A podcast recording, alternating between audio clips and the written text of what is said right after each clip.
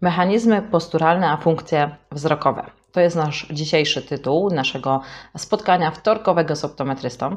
Porozmawiamy na temat właśnie rozwoju mechanizmów posturalnych, porozmawiamy również o ich zaburzeniach i o wpływie tych zaburzeń na rozwój funkcji wzrokowych. Dotkniemy również tematu najnowszej książki w wydawnictwie Ćwiczę Oko, a mianowicie Mechanizmy posturalne a funkcje wzrokowe autorstwa Eweliny Rosłanek.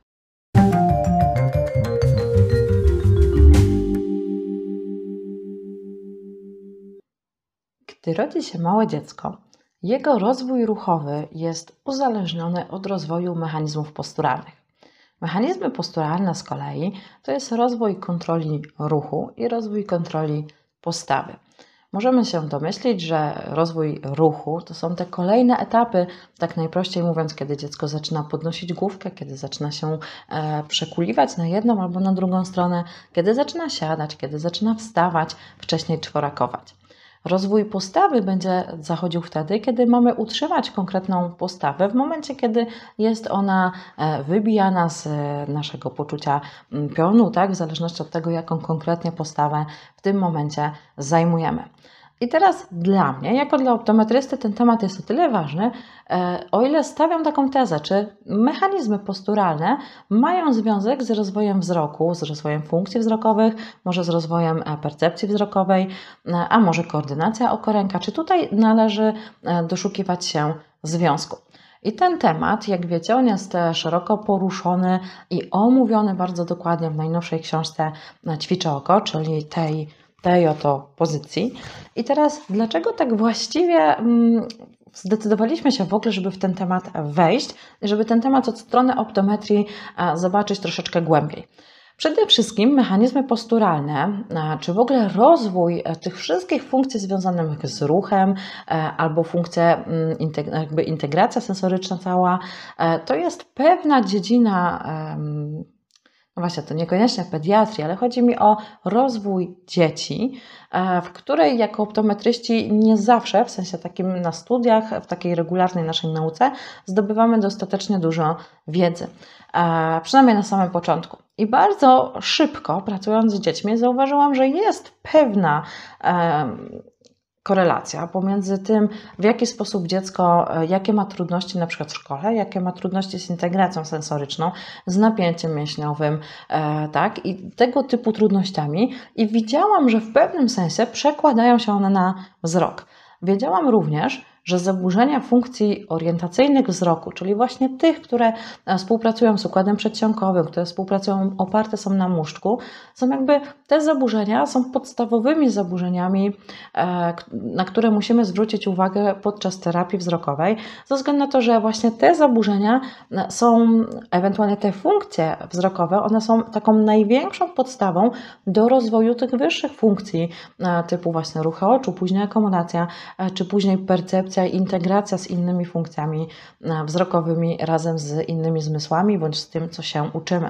Czyli funkcje orientacyjne od zawsze w pewnym sensie ja na nie zwracałam uwagę mm, i ja je sprawdzałam w gabinecie optometrysty, ale szukałam sama tej wiedzy, z czego to wynika, z czym to jest związane. I tak w pewnym sensie pokrótce, e, krok po kroku, e, będąc na różnych szkoleniach, słuchając różnych wykładowców, e, czy to z zakresu własnej integracji sensorycznej, te mechanizmy posturalne zaciekawiły mnie do tego stopnia, żeby zdecydować się na to, żeby takową książkę wydać. I teraz wracając już do rozwoju ruchu. Rozwój ruchu uzależniony jest od mechanizmów posturalnych, a mechanizmy posturalne zależą właśnie od kontroli i ruchu, i kontroli postawy. I te dwa mechanizmy, postawa, kontrola postawy i e, kontrola ruchu, e, one będą e, wzrastały, tak będą rozwijały się wtedy, kiedy dziecko, mm, no właśnie, na samym początku podnosi główkę, potem zmienia pozycję, potem siada i one rozwijają się i kształtują w sposób samorzutny w pewnym sensie. Oczywiście to jest tak, że im więcej e, rodzice przykładają jakby tutaj takiej stymulacji dziecku, im więcej jest bodźców, im więcej jest jakby mm, takich e, sytuacji, na których dziecko jest narażone, w których ćwiczy, tak, rozwija się, tym lepiej dla dziecka. Wiemy, że gdy tych bodźców brakuje, może występować jakby, mogą występować zaburzenia w rozwoju ruchu czy w rozwoju postawy.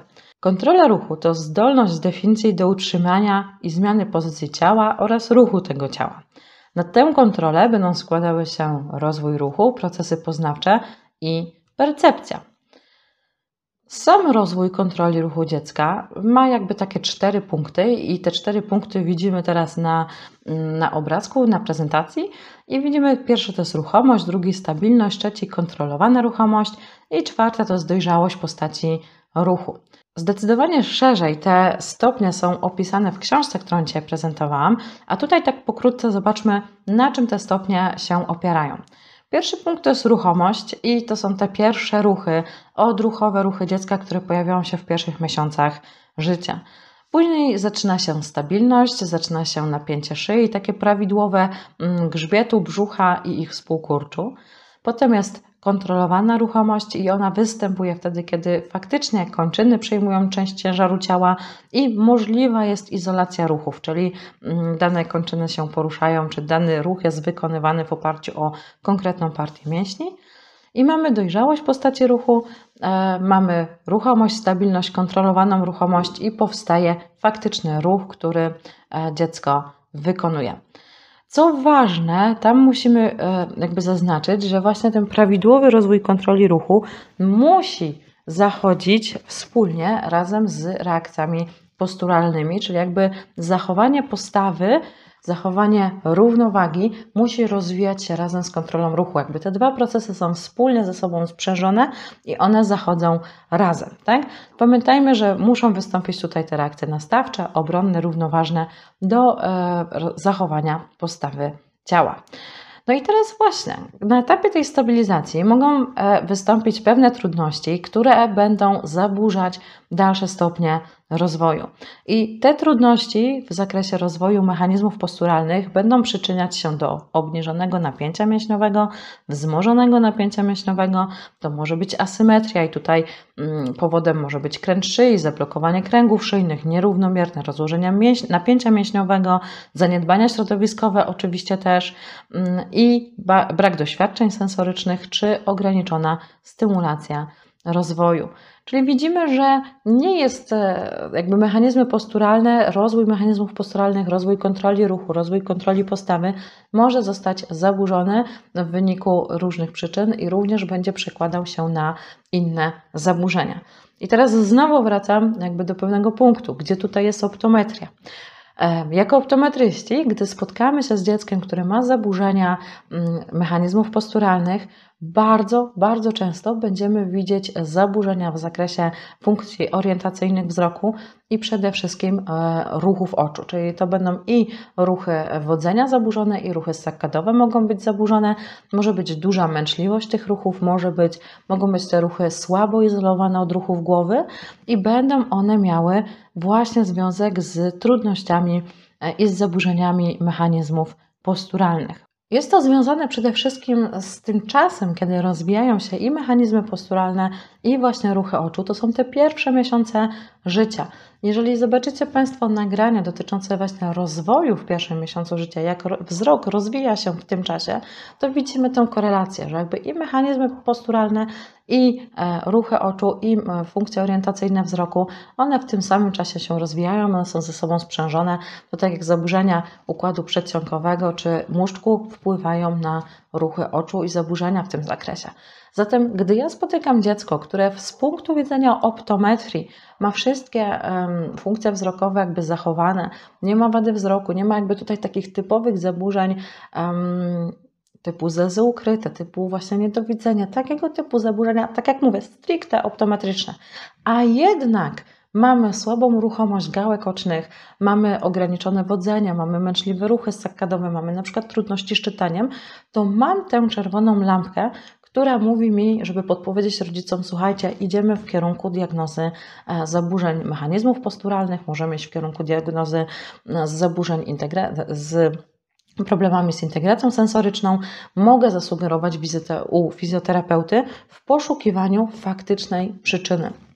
I to e, jest, no bo nie jest to stricte optometria, tak? Ja jakby mogę wspomagać terapię ruchów oczu wtedy, kiedy dziecko ma te trudności. Mogę wspomagać terapię integracji sensorycznej poprzez nasze ćwiczenia.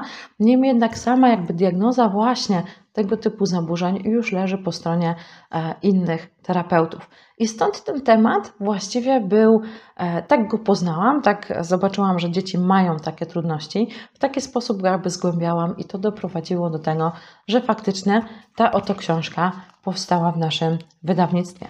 To, co chcę powiedzieć jeszcze odnośnie książki, to to, że niezależnie czy jesteście właśnie optometrystami, czy jesteście mm, jakby studentami optometrii, czy w ogóle pracujecie jako tylko i wyłącznie osoby pracujące ze wzrokiem, od tyflopedagogiki przez rehabilitację widzenia, czy być może dopiero zastanawiacie się, czy wybrać te kierunki, to jest to jakby jedna z książek, która właściwie powinniśmy przeczytać po to, żeby wyrobić swoje zdania, po to, żeby zbudować pełen obraz rozwoju dziecka i tego, z czym możemy się spotykać. W książce tej mamy omówiony rozwój mechanizmów posturalnych, mamy rozwój kontrolów ruchu i rozwój postawy, czyli to, co dzisiaj e, delikatnie napomknęłam, izolację ruchów, jak ją lepiej rozumieć. Będziemy mieć omówiony również wpływ niezintegrowanych odruchów pierwotnych na funkcje wzrokowe, podstawowe systemy zmysłowe, które są odpowiedzialne za rozwój mechanizmów posturalnych. E, I tutaj też będziemy omawiać, autorka omawia tak znaczenie i objawy świadczące o zaburzeniu e, tych systemów. Będziemy mieć zaburzenia przetwarzania sensorycznego i to, co jest najważniejsze, przynajmniej dla mnie z punktu widzenia optometrii, to są badania przesiewowe, i w jaki sposób, ewentualnie po zastosowaniu kilku procedur, ja mogę się upewnić, że muszę pacjenta przekierować do odpowiedniego specjalisty, żeby dalej szukać przyczyny jego zaburzeń. Kolejna rzecz, jaką znajdziecie w tej książce, to są ćwiczenia, i tu również, jeżeli jesteście mm, terapeutami z zakresu widzenia, optometryści, ortooptyści, tyflopedagodzy, przeczytajcie te ćwiczenia bardzo dokładnie, ponieważ one poszerzą Wasz warsztat. Po prostu zobaczycie, w jaki sposób można dodatkowo pomóc swoim podopiecznym i poszerzycie mm, te możliwości, jakie macie, o mm, te propozycje, które Pani Ewelina tutaj proponuje.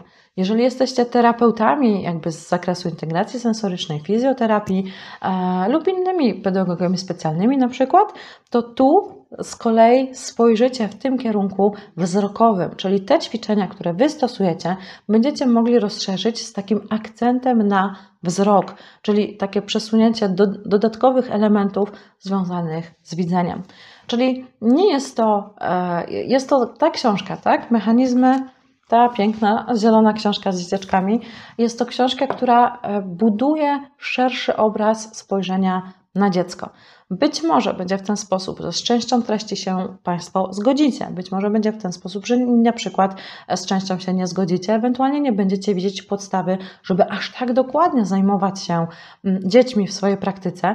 Być może każde dziecko, jako optometryści, gdy będziecie podejrzewać takie zaburzenia, po prostu przekierujecie dalej i sami nie będziecie stosować tych badań przesiewowych.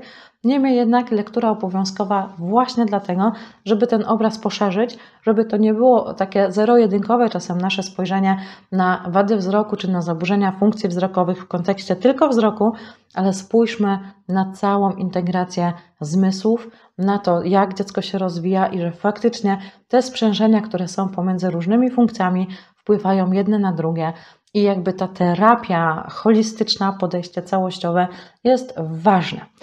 Zatem, jeżeli jesteście e, zainteresowani, to pod tym filmem jest link do naszego sklepu, gdzie ta książka jeszcze jest z tego, co miałam w momencie publikacji tego filmu, jest w promocji. Jeżeli e, chcecie, to możecie dodatkowo przy zamówieniu skorzystać z kodu Dziękuję, że jesteś w koszyku, wpisujemy go e, i te produkty, które nie są objęte żadną promocją, one na 100% się zrabatują o kilkanaście procent, więc śmiało możecie z tego kodu skorzystać. E, tymczasem my e, czekamy już, bo pracujemy nad kolejną publikacją i będziemy niedługo już informować Państwa o tym, co nowego w wydawnictwie. A dziś mechanizmy posturalne, a funkcje wzrokowe, badania przesiewowe, tak, dla wszystkich, ćwiczenia dla wszystkich i bardzo mocna e, teoria, żebyśmy wiedzieli z czego, co wynika i w jaki sposób patrzeć na naszych podopiecznych.